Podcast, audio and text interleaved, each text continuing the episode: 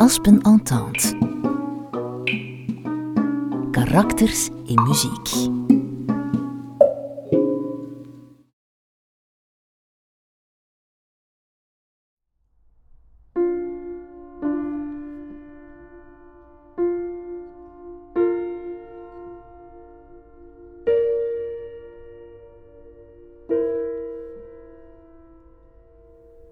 Seppe Gebruurs is muzikant en eerder toevallig pianist.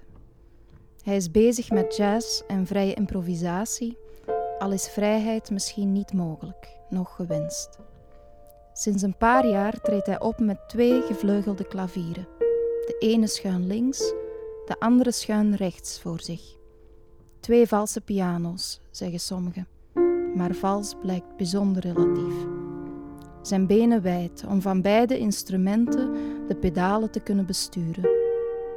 Een nogal magistraal uitzicht, terwijl hij zich in zijn spreken opvallend omzichtig toont.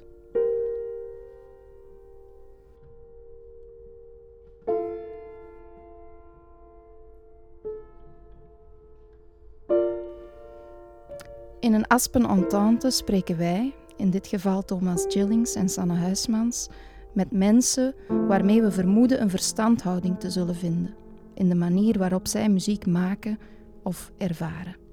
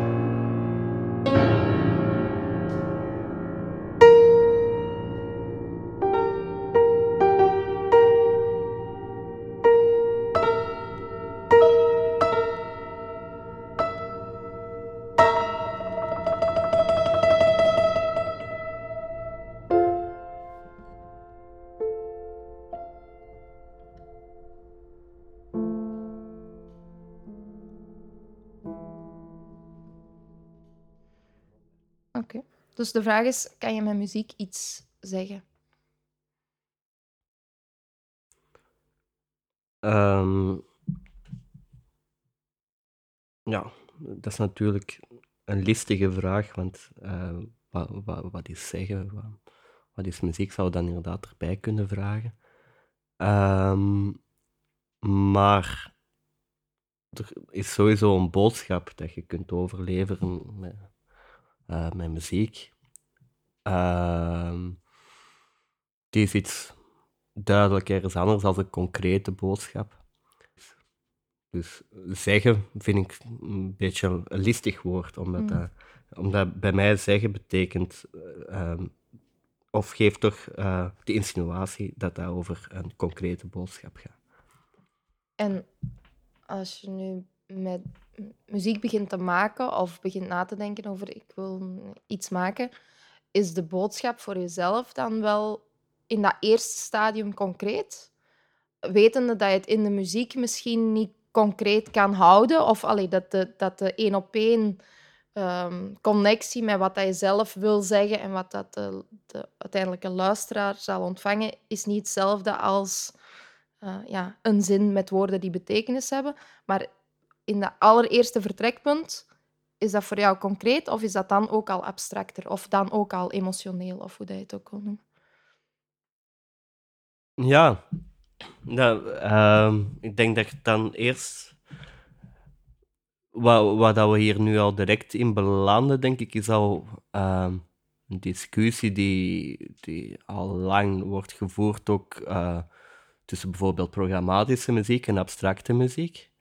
Um, ja, er is een heel bekende discussie tussen Adorno, die bij Schoenberg zijn klas hoorde en ook vaak in de naam van Schoenberg sprak, maar Schoenberg sprak natuurlijk ook wel, maar iets nuanceerder, tegenover programmatische muziek van onder andere Hector Berlioz, uh, dat misschien wel het toppunt is, uh, Symfonie Fantastique, waar dat er letterlijk een verhaal wordt uh, in uitgebeeld. Um, dat was een soort van, discussie, misschien korte schetsen over van um, wat ik het er juist over had, van, van dat muziek kan begrepen worden alsof het een verhaal is, met een verloop. Gelijk dat wij uh, een verhaal gewoon zijn, dat chronologisch volgt. Um, het zou, het lijkt mij ook, um, en daarom vind ik Charles Ives misschien nog de meest intelligente in die discussie, die zei van mijn muziek is zowel programmatisch als abstract. Dat vind ik um, ook wel grappig in die discussie, omdat hij zich heel makkelijk van afmaakt om er dan geen kant in te kiezen. Maar ik vind het wel heel correct, omdat het altijd wel een en-en-verhaal is. Uh, of dat nu abstracte muziek of programmatische muziek is, ik denk dat dat een beetje een doodlopende discussie is, die nog altijd wordt gevoerd trouwens. Um, want het is altijd een en-en-verhaal. Of dat ik daar zelf bij stilsta, ja, uiteraard. En um, ik, ik, vind dat ook niet iets dat, dat, dat, ik. Misschien heb ik dat wel vroeger geprobeerd om, dat, daar, om bijna de kant van Van Schoenberg of zo te willen gaan kiezen. Met de utopie dat, dat, dat volledige abstractie zou kunnen uh, bestaan. Maar ook dat heeft, heeft een betekenis. Wat, wat, wat hij eigenlijk heeft systemen zitten zoeken om, om eigenlijk um, om een soort van nieuwe, nieuwe taal of zo te, te vinden van abstractie. Maar zelf daar zijn de verwijzingen. Elke, elke geste dat je een beetje geeft, als je naar Schoenberg of Webern of Alban Berg luistert, die iets van Van Brahms zegt, dan gaat in die abstractie direct iemand die, die, die Brahms kent, even een gevoel van Brahms kunnen hebben. En dan zijn we alleen nog maar bezig over betekenis van muziek, historische betekenis. Um, en je hebt natuurlijk ook gewoon puur basisbetekenissen, uh, uh, gelijk als je gewoon denkt, een kind dat geboren wordt, um, dat weent. Ik iets dat, dat, dat maar in de buurt komt van wenen, heeft daarom ook een emotionele lading. Dus als jij zo'n soort van, van klanken gaat gebruiken, ja, uiteraard heeft dat ook een, heeft dat een consequentie dat, dat sommige mensen daar een, een, ervaring, een bepaalde ervaring gaan bij hebben, die natuurlijk bij iedereen anders is. Maar het heeft wel een boodschap, net gelijk bij woorden, dat uh, elk woord ook voor iemand anders iets betekent. Zelf, nu in mijn eigen artistieke praktijk, um, ben ik meer en meer um, terug bezig met um, teruggrijpen naar, naar, naar, bijvoorbeeld standaards en zo van die dingen soms. Omdat, omdat ik het juist interessant vind om daar, ik noem het spelen met, om daar juist een verhouding mee te, aan, aan te gaan, alsof dat bijvoorbeeld een muziekstuk een persoon kan zijn en dat ik daar een gesprek mee kan aanvoeren en dat we daar een ruimte tussen ons beiden kunnen vinden. Um, en die ruimte tussen ons beiden is wat dat er daar al in dat stuk oorspronkelijk zit en wat ik daarin kan zien. Kijk echt van, ik ga er een relatie mee aan en ik probeer daar verschillende dingen mee uit. En daar in die ruimte, daar, daar gebeurt het creatieve. En ik denk eigenlijk dat, um, dat het altijd zo werkt. Ook al zijn ze daar niet bewust mee bezig. Um, ook al gelijk dat sommige mensen vrij improvisatie gebruiken als term, waar dat ik niet echt fan van ben, omdat het nooit vrij is. En dat je altijd wel verhaalt tot muziek in het algemeen, uh, de muziek, de muzieken misschien. Hè. Um, dat, dat is altijd datzelfde spel. Het is altijd uh, in het beste geval iets dat tussenin zit, tussen alles wat, wie dat u heeft beïnvloed of ehm, een, specifiek muziekstuk. Ehm, gewoon muzikale ervaringen of geluidservaringen of emotionele ervaringen. Dat is altijd, kunt je altijd zien als iets waar dat jij een soort van spel mee aangaat. Ehm, dat van beide kanten ook komt. En altijd veranderlijk is. Dat, dat nooit. Uh, en daarom vind ik het jazzspeel begin ik dat meer en meer ook terug te appreciëren of zo. Omdat dat een soort van traditie is van, van heel veel mensen die dat blijven bepaald materiaal zijn gaan uh, her gaan beleven of zo. Was overlaatst, denk ik, uh, uh, met, met Bjorn van Greine Lavoie aan het spreken. Um, ook een heel leuke film gemaakt en dat gaat er ook een beetje over, over laatst. En in die film uh, was er een architect die, die, die zei van ja, wij, wij, wij zien oude gebouwen nu met de stelling erbij en wij accepteren dat.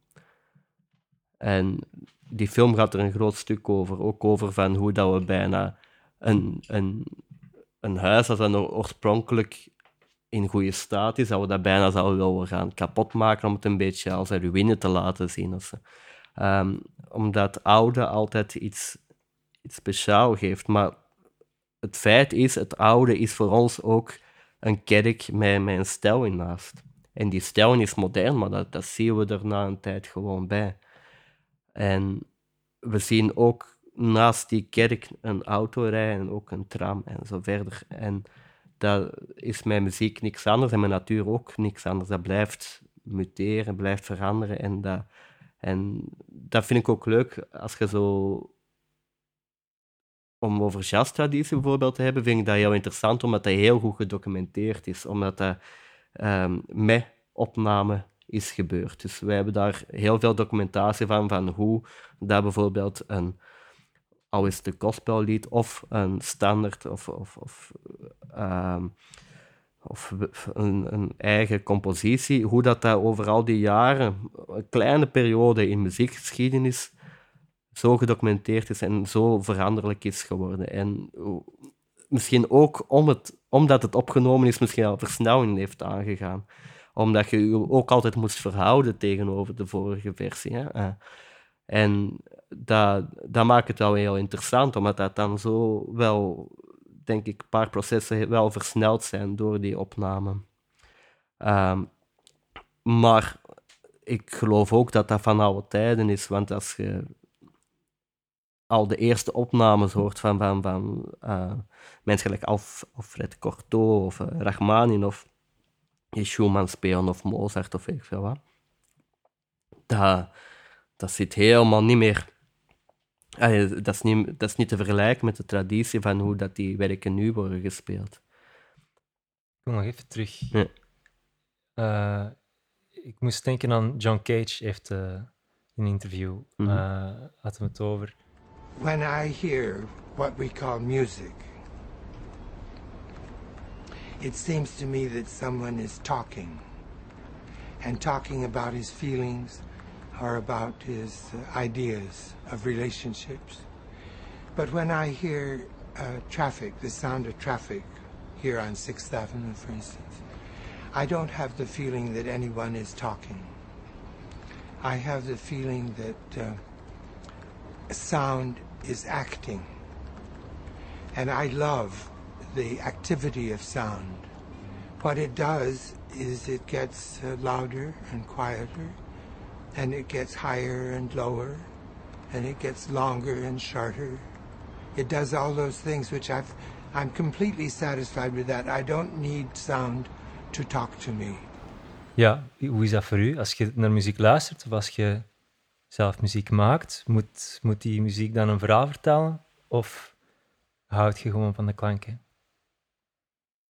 Als ik nu kan spreken over hoe dat ik misschien vroeger eerder muziceerde tegenover nu, is dat daarin wel hard veranderd. Is dat ik vroeger meer inderdaad verhaalvertellend wou zijn, omdat ik toen ook zo luisterde. En daardoor ehm, ook een soort van, van nood of bijna dwang voelde om maar altijd iets te moeten gaan vertellen. Ehm, de klanken die er zijn en gewoon ervaren worden dan eigenlijk, daar, daar probeer ik mij nu meer of dat, dat is eigenlijk vanzelf gebeurd dat ik dat wel meer heb beginnen appreciëren om, om zo te doen, omdat ik denk ik ook gewoon zo meer ben gaan luisteren soms. Ehm, en vooral ook omdat ik eh, een soort van dwangmatigheid voelde met het verhaal vertellen. Um, dat zit gewoon in de mens. Wij zoeken overal een verloop in, een begin en een einde, omdat we zo ook volgens mij opgegroeid zijn. Verhalen worden zo verteld.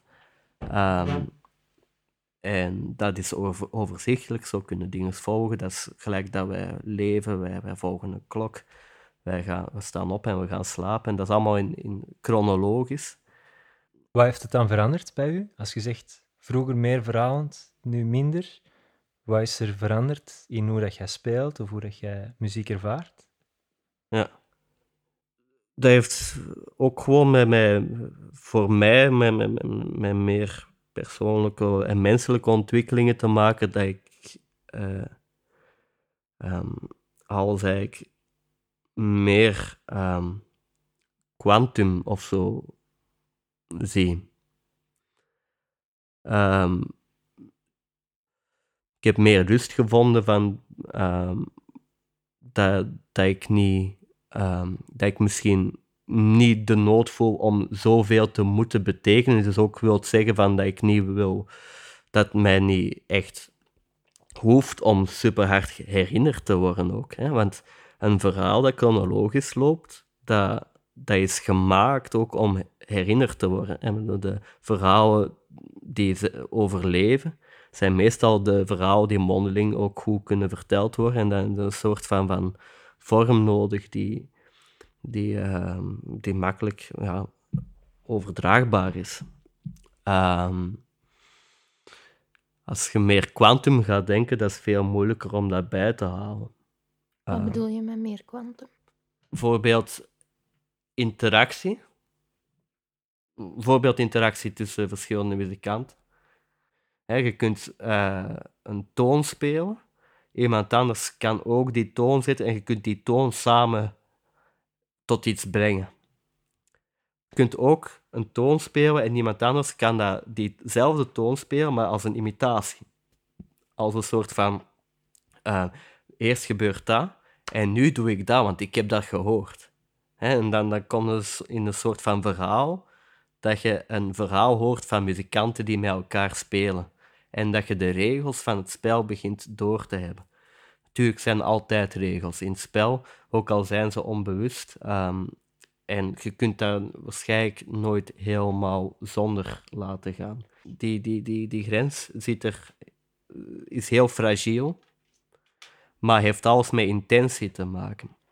Um, en met quantum, daartegenover, is die resonantie meer wanneer dat er quantum wil dus zeggen dat in, in zijn begrip dat er dus meerdere dingen tegelijkertijd gebeuren eigenlijk. En dat, dat dat tijd dus eigenlijk niet zou bestaan, maar dat dat wordt, uh, is ontwikkeld door ons om de dingen te kunnen vatten, één voor één te kunnen bekijken. Dat eigenlijk de energie tussen um, even belangrijk is um, dan het verloop of zo. En dat het verloop bijvoorbeeld dat er dingen kunnen gebeuren en dat die een link hebben met het vorige, maar dat het eigenlijk daarom niet uh, toe doet dat dat eerst was gebeurd en dan later dat. Dat je tijd misschien meer laat zijn of zo. En niet het, het geforceerd willen of uh, om eigenlijk te zeggen moeten. Hier moet iets gebeuren ik vind het wel noodzakelijk voor mezelf om van die, die, die om, om eerder meer kwantum of zo te gaan denken, om te spelen, omdat ik daar een groot gemis voel ehm, voor mezelf persoonlijk, maar ook denk ik in de mensheid. Dat, ehm, omdat dat meer kwantum is voor mij ook meer ervaren. Ehm, want we kunnen niet alles in, in volgen. Als we altijd denken, eerst moet dat gebeuren en dan kan pas dat gebeuren, dan missen we ook vaak heel veel. Nou, als jij als luisteraar zo hard op zoek bent naar een verloop, dan zou je het ook vinden. Hè? Dat, dat is met alles zo. Wij, wij, wij kijken ook naar dingen en we maken daar een analyse op met de dingen die we kennen. En dat doen we allemaal. Hè. Wittgenstein uh, zegt in, in zijn, zijn inleiding van Tractatus Logicus heel correct van, van uh, je zult alleen maar begrijpen de dingen dat je ooit al eens gedacht hebt. Hè. Uh, meerdere mensen hebben dat eigenlijk dat gezegd, maar dat is, dat is het ook gewoon. De rouwen heeft in zich om altijd anders te zijn. In de natuur zie je dat, uh, hoe dat, de natuur leeft, dat interfereert altijd met, met, met elkaar en er is constant te veranderen. Ook al is dat moeilijk voor de mens om dat te zien, omdat wij uh, graag de dingen uh, zien herhaald worden van ah, daar komt een boom en die blaren zijn groen. Dus dat is, dat is, een soort van ding dat zich herhaalt. Maar er is van alles anders dat daar gebeurt. Dat, dat, en er is waarschijnlijk veel meer procent dat we niet zien, dat, dat constant verandert, dan die, die uitzonderlijke dingen die, die, die we dan wel zien, die zich herhalen. En dat is, dat de leuze zijn kritiek ook helemaal met, met, met, op, op wetenschap, is dat dat, dat dat meestal over de uitzonderingen gaat dan, dan over, de, over de dingen zelf of zo. En, dat begint natuurlijk helemaal met de fenomenologie, met Husserl, maar, hij, gaat, hij zegt bijvoorbeeld letterlijk over de wetenschap, oké, wetenschappelijke experimenten worden eigenlijk geïsoleerd van hun eigen levens, um, ja, levenswereld. dus we gaan dingen, processen die in de natuur gebeuren, in een totaal uh, kunstmatige lokaal brengen. En we gaan constant proberen zo goed mogelijk hetzelfde experiment uit te voeren. En als het dan zoveel keer herhaalt en het is krakloos hetzelfde, dan hebben we een bewijs dat het zo is. En dan is dat een bewijs. En daar, daar zijn de meeste dingen uh, in onze samenleving nu op gebaseerd. Van de waarheid zit in, uh, in het gen generaliseren eigenlijk. En niet, de waarheid zit niet in de constante verandering. Terwijl ik daar veel meer uh, geloof eigenlijk. Op welke manier moeten naar dingen luisteren om dat, om dat mee te hebben? Of, of ja, wat, hoe moet je daaraan beginnen? Jij, jij, jij doet dat, maar hoe moeten andere mensen dat doen? Ik denk in het algemeen gewoon de beste raad dat iemand kan geven is gewoon probeert mee te veranderen. Ja? Ook al is de muziek, lijkt dat geen veranderlijke muziek en heel statisch of iets wat je al honderd keer hebt gehoord. Um, je gaat het beste ervaren wanneer, wanneer dat je, denk ik, openstaat, dat die ervaring weer iets helemaal anders is.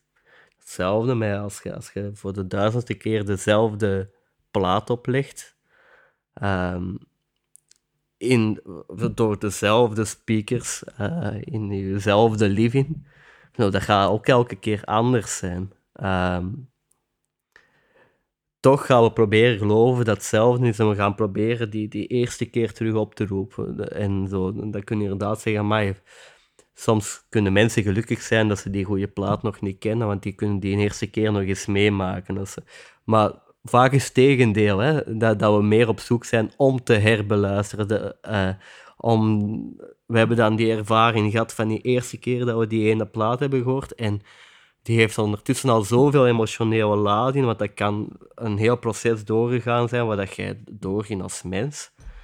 En je gaat dan wel die eerste keer gaan ophemelen, alsof dat, dat de, de, de mooiste periode was van, van je leven.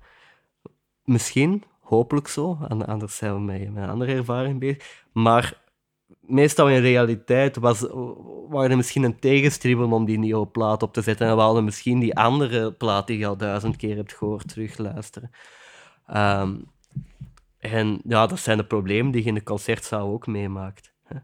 Dat is uh, even moeilijk of zelfs soms moeilijker als muzikant, denk ik. Omdat je dan nog meer um, uh, zoektochten hebt naar heel specifieke dingen. Uh, dat, dat is enorm, heb ik echt enorm veel moeilijkheden mee gehad. Voor wat je zei, bezig in je eigen trip. En, um, en je bent voor jezelf naar dingen op zoek en je komt in een concert van vrienden of weet ik veel wie. Uh, en die zijn in een heel andere type geluisterd naar en je zal het bijna willen afbreken, omdat dat niet overeenkomt met wat jij aan het zoeken bent als muzikant. En dan ook ging gaan zoeken in iemand anders zijn concert. Maar dat is eigenlijk dat is super absurd eigenlijk. Hè? Dat, is, dat is een gesprek voeren met iemand en eigenlijk gewoon wachten wanneer dat hij de dingen zegt dat jij wilt zeggen tegen hem. Uh, ja. Wat ook veel mensen doen. En die hm. zal er mij zeker schuldig van maken.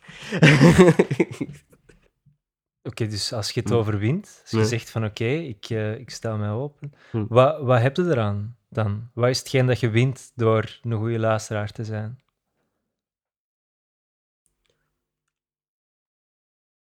Ik denk dat dat de enigste manier is om jezelf ook te laten transformeren, eerst en vooral.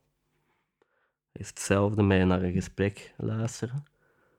Um, is. Als we nu teruggaan naar die quote van Wittgenstein, waar je gaat alleen maar begrijpen wat je ooit al zelf hebt gedacht.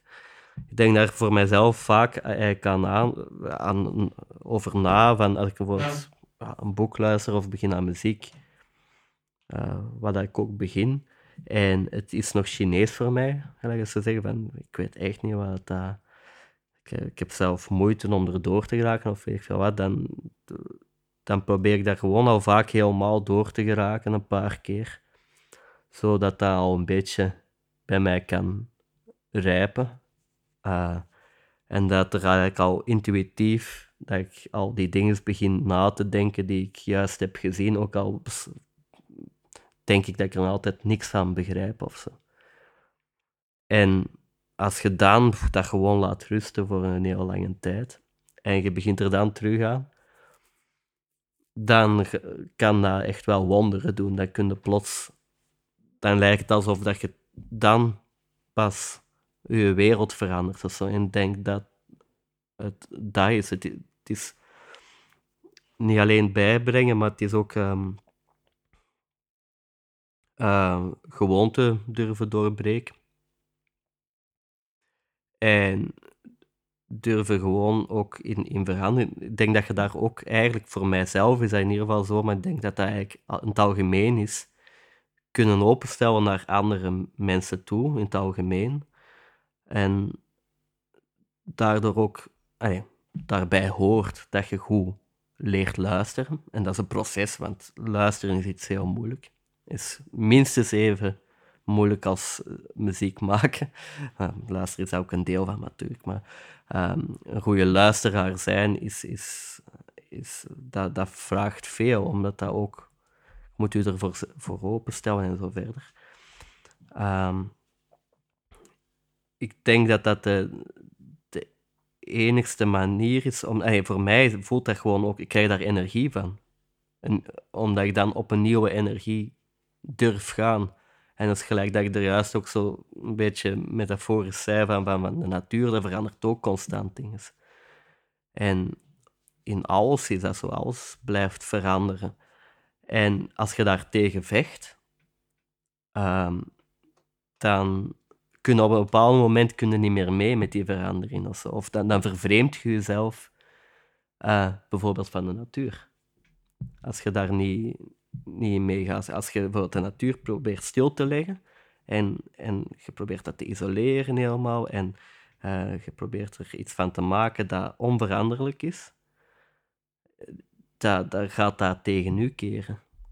Um, En dat is hetzelfde, denk ik, met muziek. Dus als jij daar meer bij wilt kunnen voelen, dan, dan is dat belangrijk gewoon dat je dat proces aangaat van, van, van, van verandering, denk ik.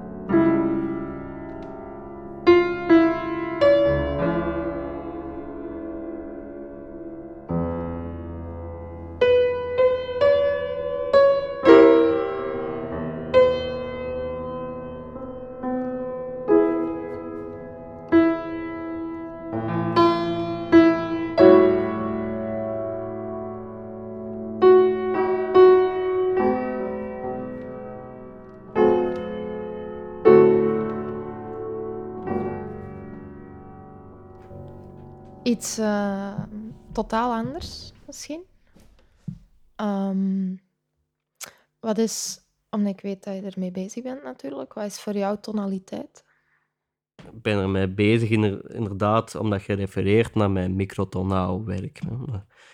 Die woorden zijn ook allemaal een beetje um, misvormd, eigenlijk. Want wanneer is iets tonaal, wanneer is iets atonaal of microtonaal, of, dat zijn ook allemaal um, meer historische discussies geweest.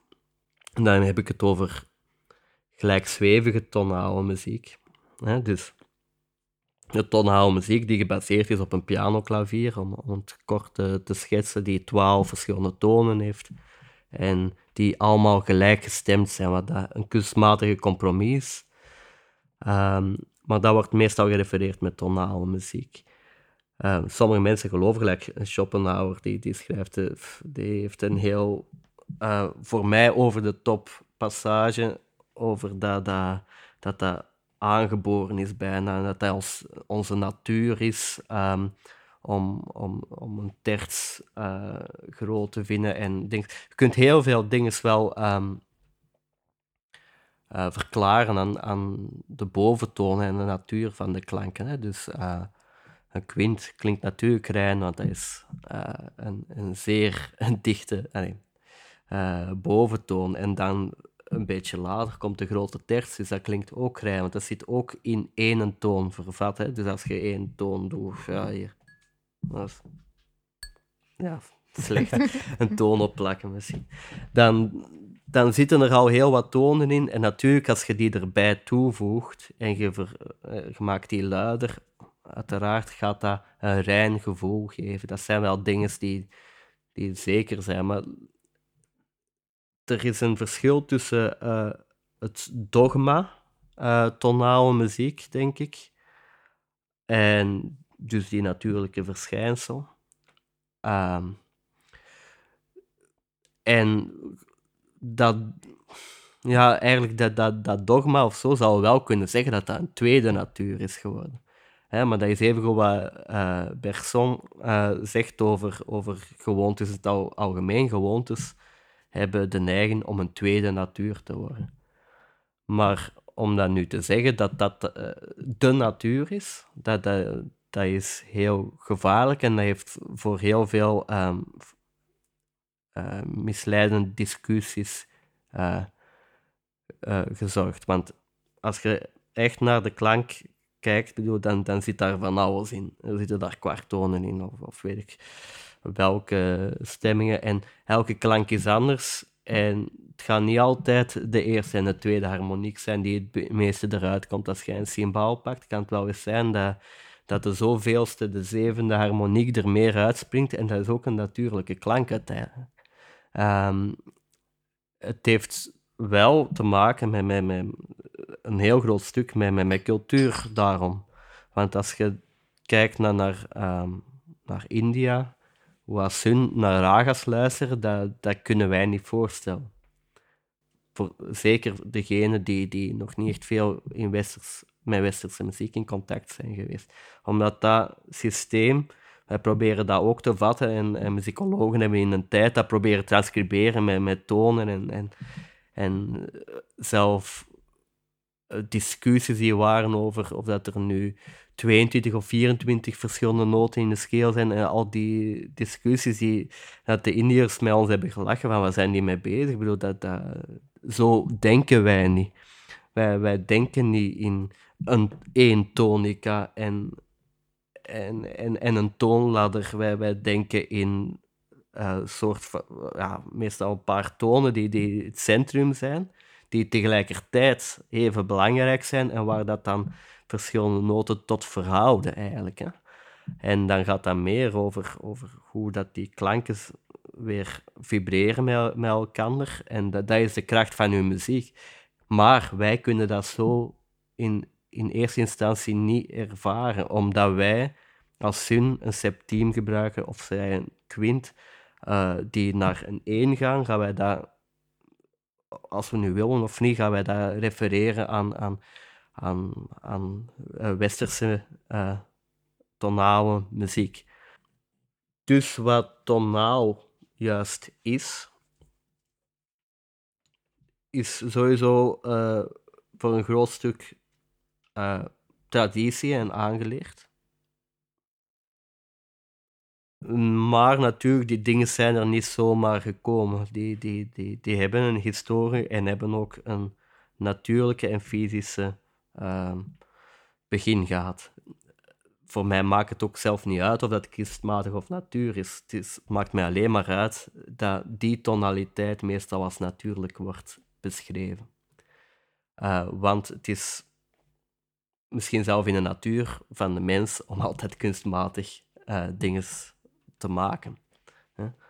En Derrida zegt dat zelf over van, van oké, in de discussie van, van, ehm, van Rousseau, dat, dat, dat het schrift um, onnatuurlijk is en eigenlijk dus um, eigenlijk een beetje te onderdoen van, van het gesproken woord, zegt Derrida van ja, dat is waar, maar in de natuur zit het om om het te deconstrueren en elkaar um, kapot te maken om dan weer tot iets nieuws te komen. En dat, zijn heel, en dat is even goed zo gebeurd nu. Hè. De, de tonaliteit waar dat wij een dag van vandaag spreken, is eigenlijk een deconstructie van, van het organisch samenzingen.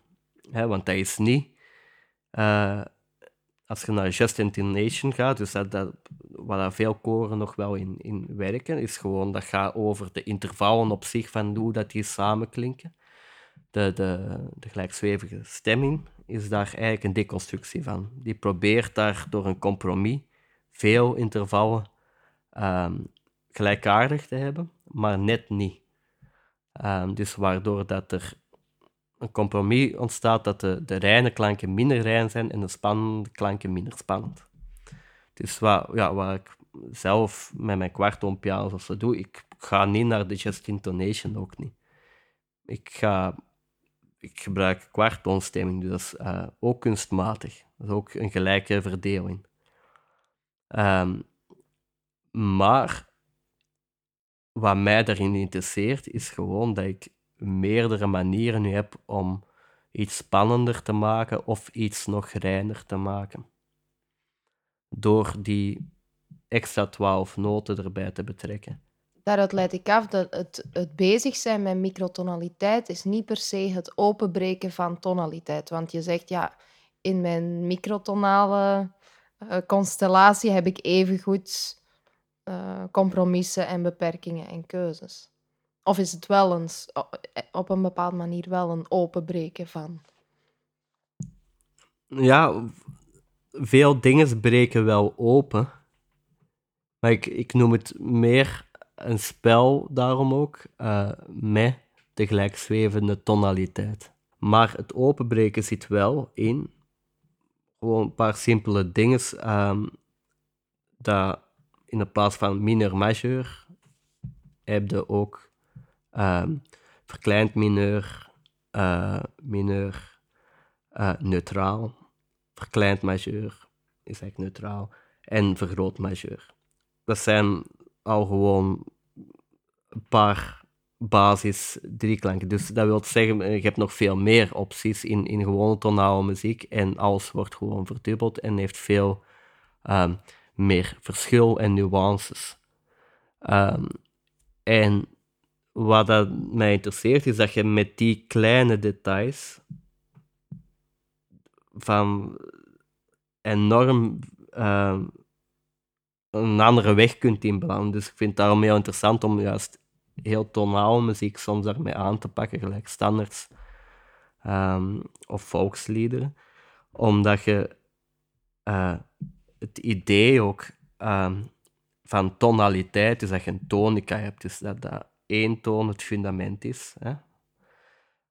Um, kunnen nu, door al gewoon meer opties te hebben, kunnen dat zwevend maken, dat fundament. Dus dat er niet, uh, dat je eigenlijk niet door hebt dat je het zakken Ik zou het bijna kunnen vergelijken, even goed, uh, misschien nogal grappig, als, als een soort van koor dat altijd maar begint te zakken en te stijgen. En dat, maar dat zo subtiel doen dat je echt al een absoluut gehoor moet hebben of zou moeten gaan checken om te horen dat, hem dat ze gezakt zijn of gestegen. Um, maar het interessante daaraan is dat het stedeke ding dat ons aangeleerd is, zo dus van altijd een fundament te hebben, en dat daar alles op gebouwd is, wat dat ook in ons logica um, denken ook zo zit. En in heel de traditie van filosofie en, en zo verder. Um, dat er al een fundament is en dat daar alles op wordt gebouwd, is ook in, in de muziek. Um, en je kunt dat, hoe meer subtiliteit dat je hebt in het algemeen, ook even goed in taal heb je dat denk ik ook, hoe subtiel dat je bent, hoe meer dat je de connecties bovenaan kunt aanduiden. En dan komen we weer bij kwantum eigenlijk ook, omdat het dan niet gaat over één ding. Is, is alles wat daarop gebeurt? Nee, nee, gezegd. Eigenlijk hier, dit hebben de connecties. En dat heeft meerdere, um, meerdere verbindingen en meerdere lagen boven elkaar die fluctueren met elkaar. Ehm, dan één ondergrond die altijd hetzelfde is en onveranderlijk is en ehm, daar is alles op gebaseerd. Hoe meer tonen dat je verschil daarin kunt hebben, hoe meer details, hoe meer dat je die verbindingen van boven kunt uh, in de aandacht brengen. En veel reacties, van, van, zeker van muzikanten of mensen die, die eerder in Europese muziek geschoold zijn als luisteraar of weet ik die, die zeggen zelf dat ze soms zeeziek of misselijk worden als ik met mijn kwarton piano speel. Dat is juist daarom, omdat ze zo gewend zijn dat er een ondergrond is en dat die onveranderlijk is. En dat is misschien wel een soort van heel grote gelijkenis dat ik zie met, met, met, met uh, het logicentrische denken en de filosofie. Dat uh, wordt vaak gezegd vanaf Descartes uh, gedaan, van, van, van, dat de basis ehm, dus bij het denken zit van ik denk, denk en daarom ben ik. Um, dat, dat daar de basis geworden van, van al die rijkdom ook, van, van teksten die we daardoor hebben gekregen, kritiek erop, of mensen die erop hebben verder gebouwd, is hetzelfde eigenlijk dat, dat tegelijkertijd ook in de muziek is gebeurd, dat tonica ook een soort van, van fundament werd. En ja, veel mensen zeggen dat bij Descartes gebeurt, maar dat zit natuurlijk in religie ook. Hè. bedoel, en religieuze muziek heeft daarom ook vaak een fundament om een soort van, van, van zekerheid te bieden en daarop bouwen en daarop gebeurt al de zotte dingen zoals of, of het oude kleuren of zo.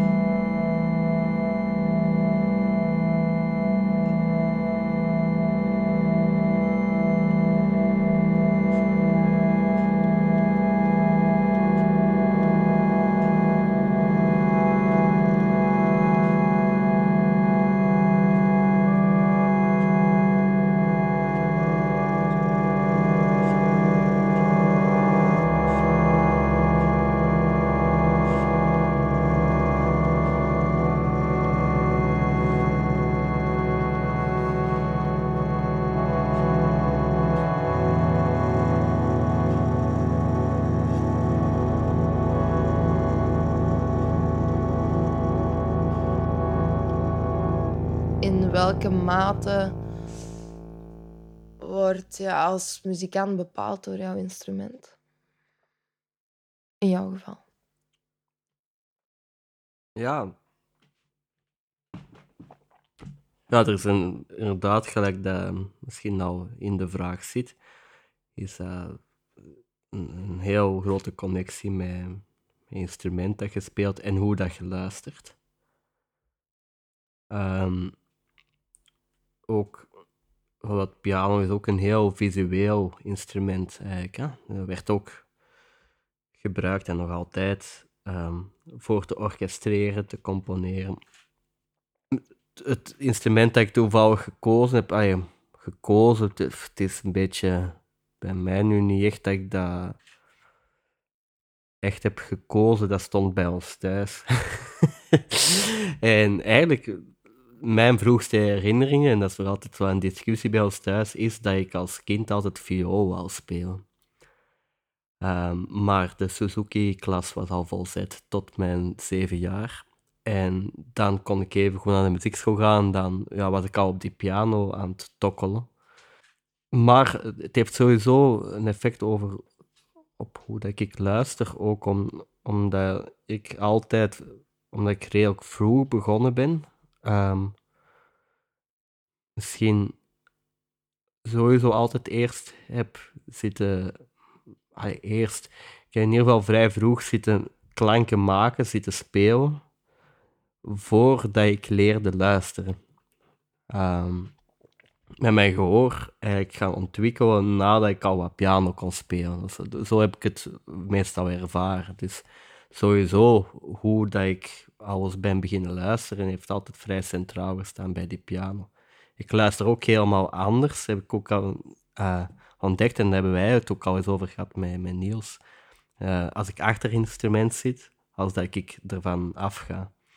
Je hebt daar een relatie mee. En uh, voor mij heeft mijn piano evenveel invloed soms op mij dan andersom. Uh, het is niet dat ik de klank controleer. En zo werkt het ook niet met een piano. Uh, je controleert of gemaakt klank door uh, ook te accepteren dat je piano op die beweging zo reageert. Ik vind, ik vind wel, ben de laatste tijd er wel veel mee bezig met, met, met hoe dat, dat dingen die, die gewoon materie kunnen lijken, gelijk een instrument, dat die ook interageren. Dat daar, daar geloof ik wel in. En een, een heel grappig voorbeeld is, ik stem dus mijn piano's kwart van uit elkaar. Dus één staat uh, 440, de andere staat lager gestemd. Um, in een normale setting, um, in een normale ruimte, gaan, gaat die stemming um, veranderen op, op, de vochtigheid en de droogte en de temperatuur van die ruimte en wat die erin doormaakt. Dus als het nu bijvoorbeeld heel droog en warm is, dan gaan de stemming stijgen. Hè? Want uh, door de warmte dan gaan die snaar meer opspannen en zo verder. Um, dus je staat in dezelfde ruimte. Wat gebeurt er? Uh, ik heb ze heel lang even niet laten stemmen. En heb ontdekt dat de piano die normaal staat, dus hoger dan de andere, naar beneden is gezakt. En die dat lager staat, is naar boven gegaan. Dus dat, dat fysisch een, een heel raar fenomeen lijkt. Hè? Want, want normaal zou die hetzelfde moeten doen. Alle twee zakken of alle twee stijgen. Um, wat ik dus denk, van ja, ik speel die constant samen, dat die proberen naar elkaar toe te groeien. Dacht ik van oké, dat, dat, is, dat is mijn geloof erin. Die, die, dat zijn wezens voor mij, die twee die interageren. Dus, en ook al ze nagevraagd aan, aan uh, iemand die daar wat meer mee bezig was, met uh, Curijn Buis, die onderzoek achter klank en zo deed. En die zei van oké, ja, dat is wel heel interessant. En die dacht dat dat inderdaad kon zijn door um, dat de snaren zelf begonnen te veranderen. Dus, want het is onmogelijk volgens mij dat die daar zit- zitten vijzen in, maar er zit heel veel spanning op, zit heel diep ook. Dat, dat is bijna onmogelijk dat die de beslissing maken om de snaar in dezelfde spanning... Dat, dat, dat is bijna onmogelijk om te denken. Maar die snaren, die resoneren met elkaar. Hè? Dus als je die in een ruimte zet en eh, plaatst met een saxofoon in die ruimte, dan gaan er bepaalde snaren meeklinken als je de pedaal open doet. Ehm, omdat die in je toon zitten. Hè? Dus dat gaat waarschijnlijk nu ook gebeurd zijn met die dingen, dat die snaren waarschijnlijk hun... eh, en hij dacht dus de binnenkant van de snaren echt, het, de theorie was ook maar een hypothese, kan ik misschien niet helemaal uitzeggen, dat die snaar dus zichzelf is gaan aanpassen aan elkaar, omdat die met elkaar proberen te vibreren. Dus die, die beginnen eigenlijk te veranderen om, naar hetzelfde te doen. Ehm, hoe kom ik daarop? Van, van ja, mijn relatie met dingen van... Ja, dus dat is er sowieso, maar er is dan nog eens een relatie tussen die twee ook. Dus dat is een heel moeilijke relatie. Misschien zijn dat gewoon twee rebellen, hè? En vinden die dat helemaal niet fijn dat die zo een kwarttoon uit elkaar staan. hè? Dat zou heel goed kunnen. ik heb er ook over laatst een nieuwe nageschaft, want vroeger was het een Franse en een Tsjechisch-Duitse, dus ik denk dat dat... Als die iets van geweten hebben, dat dat vrij moeilijk ging. En nu is het eh, een, een Duitse met een Tsjechisch-Duitse, dat gaat volgens mij al iets gebeten. Is sommige muziek beter dan andere muziek? Ja, ik kan niet op de vraag zo antwoorden, omdat, omdat de doel van, van, van beter of niet beter, eh, als je beter of, of slechter zegt, dan, dan, dan heb je het meestal over specifieke kwaliteiten. Ik kan alleen maar zeggen dat sommige muziek eh, die kwaliteiten zeker behouden en dat andere misschien als, soms voelt dat wel aan dat die ook die kwaliteiten proberen te bereiken, maar dat je merkt dat er iets eh, nog niet zo ver staat of, of dat dat niet lukt. Of zo. Ik ging er vroeger veel makkelijker op gaan antwoorden, omdat voor mij ehm, het unicum was luistermuziek. Ehm, maar die starre visie, dat, dat durf ik nu niet meer eh, verdedigen eigenlijk. Ehm, want je kunt ook echt heel specifieke, bijzondere ervaringen hebben met muziek die niet eh, enkel voor naar te luisteren zijn en die dan ook niet dezelfde kwaliteiten hoeft te hebben. Want er is zo nog een ander dogma in de muziek, dat, dat, dat er veel mensen in de klassieke muziek, in, de westerse muziek, hebben ehm, ja, hebben gezegd, muziek moet een evenwicht hebben, bijvoorbeeld in de parameters ritme, melodie en harmonie. En dat, daar is dan een hele revolutie rond gekomen, natuurlijk, met Schoenberg onder andere, maar dat startte natuurlijk veel vroeger. Ehm, en dat kwam terug, eh, eigenlijk ook met, in onze jazztraditie. Allee, ik zeg onze, omdat wij daar meer uitkomen. Ehm, ik, want ik, ik was eigenlijk, eigenlijk geschrokken, om, omdat ik daar zo nooit ehm, zo had naar gekeken, naar de jazztraditie, al, als een soort van spiegel eh, van heel die klassieke geschiedenis. Eh, toen ik ehm, een pianist die ik heel erg bewonder, Hank Jones, in een interview gewoon hoor ze- zeggen van muziek moet de perfecte balans hebben tussen ritme, melodie en harmonie. Je zei dat gewoon letterlijk. En dan, dan heb ik zo vaak wel zo een gevoel van, wow, hoe komt dat, dat, dat, dat zo iemand dat, dat zegt, eh, die ik, en dat hij precies niet, dat hij heeft eh, ontkend dat al die dingen gebeurd zijn daar in, in begin 1900. Hè? Ehm, maar bon, Schoenberg heeft erover van, van die parameters zijn er. Bijvoorbeeld ritme, melodie en harmonie.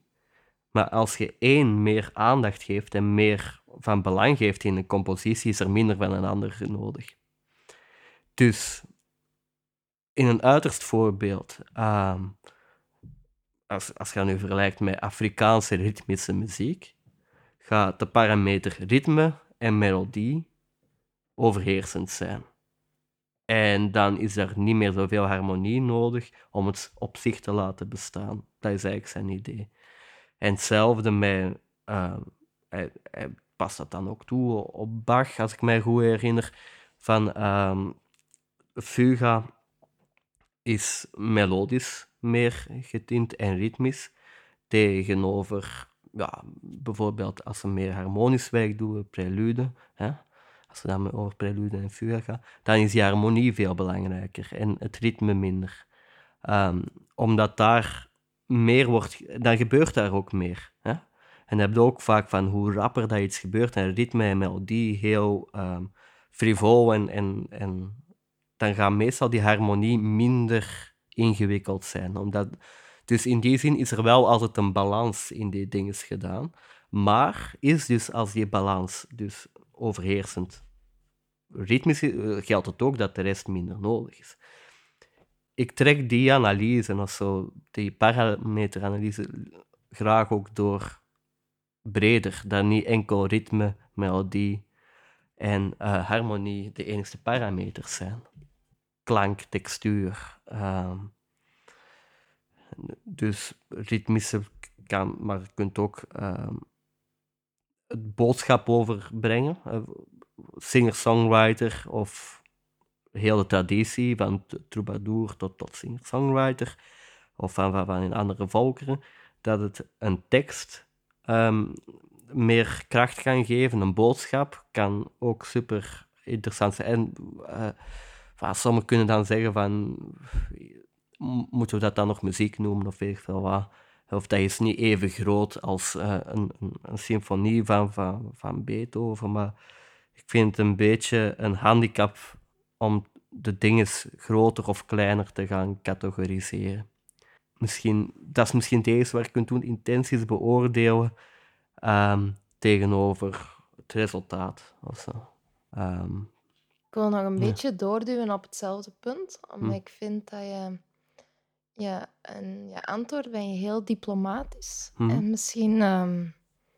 Maar in echt helemaal niet. Ja, nee, maar ik, nee. ik wilde wel zeggen, door, doorheen de jaren, we kennen elkaar al een tijdje, hm. heb ik jou wel hardere uitspraken horen hm. doen. Als ik nu zou vragen, is er muziek die beter niet zou worden gemaakt? Zou je daar op dit punt in je leven of als muzikant nog ja op durven zeggen? Um, uh, een goede vraag. Ik denk dat sowieso wel dagelijks. Ja. maar. ja, maar ik bedenk wel meer en meer van, van wat zit er nu van mij in die gedachten. Ja. Mm -hmm. Maar er is heel veel. Uh, ja, dat, dat ligt ook allemaal heel gevoelig omdat dat. Dat, dat, dat is een, een manier van communiceren dat je al heel je leven eigenlijk mee bezig bent ook. En um, dat, dat blijft voor mij een heel moeilijke, om dat, om dat los te koppelen. Um, om als er iets komt en die intentie staat mij daar niet aan, om dat om dat, om dat niet aan te trekken. Of. Ook al vind ik het wel belangrijk, en daar, daar hebben wij ook al vaak over gesproken, om, um, om dingen ter sprake te brengen. Um, en ik heb daar ook soms last van gehad, van, van, van te veel positieve journalistiek in de zin dat het vaak gaat over um, promoten. Op de dag van vandaag is het over muziek, uh, journalistiek gaat, dan over een discussie opentrekken en, en dingen bloot te leggen, uh, waardoor dat het ook inspirerend kan zijn, ehm, ook voor de artiest die bijvoorbeeld wordt aangevallen om, om er een draai aan te geven en, en iets aan maar niet met de intentie om iemand af te breken of, of, of weer dat wedstrijd te starten, maar wel om, om intenties te gaan bespreken. Bijvoorbeeld, ehm, ik heb ooit eens een interessante uh, discussie gevoerd uh, met iemand die ik niet goed kende, maar dat was gewoon na een concert en was concert van een jazztrio, ik ga, ik de naam niet voeren, maar die had een thema um, dat mij niet aanstond. Uh, waarom stond het mij niet aan? Omdat het ook nog eens de, de volledige week daarna in mijn hoofd bleef zitten als een oorworm.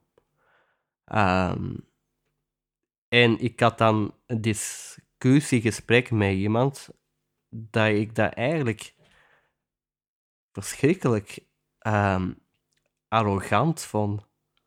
Dat je voor zo'n oorworm durft kiezen. Want die meneer die toen speelde, die kwam elke dag sinds dan terug in mijn hoofd en, en, en beviel mij niet.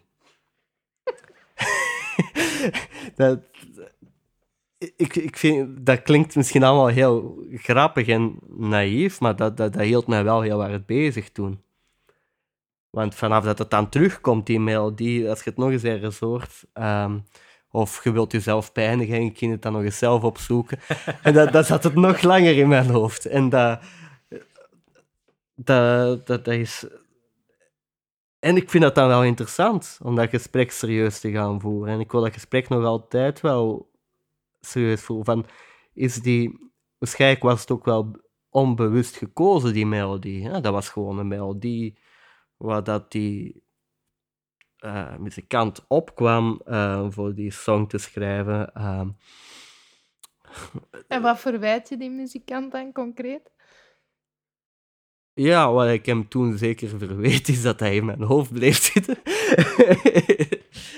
um, maar wat, wat ik hem misschien serieus verweet ik ben er een beetje mee aan het lachen wel, uh, is, is dat, dat, dat hij daar zelf niet over nadacht eigenlijk. Dat, um, dat hij elke compositie dat hij maakte, want hij, eigenlijk was het een heel concert vandaag, um,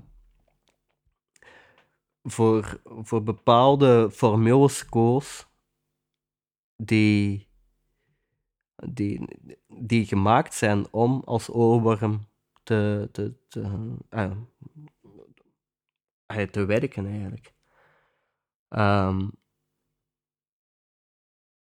ik denk dat een. Ik kan nu even een grappige uitspraak doen. Uh, een componist van Studio 100 of zo, daar meer bewust van is. En dezelfde soort formule misschien had gebruikt. Um, en misschien nam ik... En, dat, ligt dan weer bij mij. Want die componist van Studio 100 ga ik hem dan niet zo kwalijk nemen. Dat is te ver van mijn bed. Um, maar die muzikant is minder ver van mijn bed, dus dan komt dat wel juist binnen, omdat hij iets probeert te doen dat, dat ik ook met dat publiek probeer te doen. Ik probeer niet iets te doen, gelijk de componist van Studio 100, want dat zit, niet, zit te ver van mijn bed. Die, taak, die job, die, die, die doe ik niet. Maar het concert spelen in een klein zaaltje, in een club, en dan met Studio 100 melodieën afkomen, um, onbewust, dat vond ik gewoon op dat moment heel ongepast. Maar dat had natuurlijk ook over mij te maken, gelijk dat ik nu uitleg, van, omdat ik er zo betrokken mee ben ook.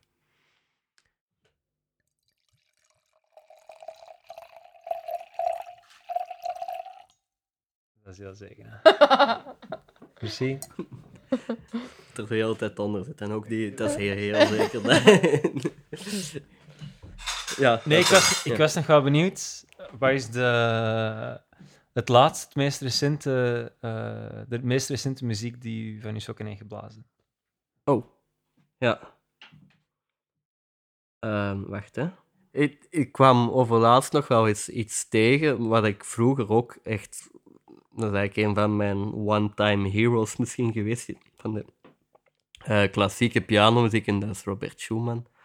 Ehm, en ik kwam uh, Albumblader tegen. Dat zijn eigenlijk allemaal werkjes van hem, die meestal geschreven waren uh, wanneer dat hem aan een groot werk bezig was. Dus eigenlijk zo, hij schreef dan eigenlijk iets, maar dat, dat paste er helemaal niet bij en dat is daarna in één album terechtgekomen. Maar allemaal heel korte stukjes en ja, dat komt ook zo wel over. Zijn vaak heel een beetje raar ontworpen, gelijk dat je Schumann wel kent misschien. Maar zo, het is, zijn zo wat de bonus tracks of zo, of omdat er misschien genoeg van had van zijn systeem om, om aan dat groot werk zo te blijven. En ja, ik zette dat op en ja, dat was ik al heel hard ontroerd.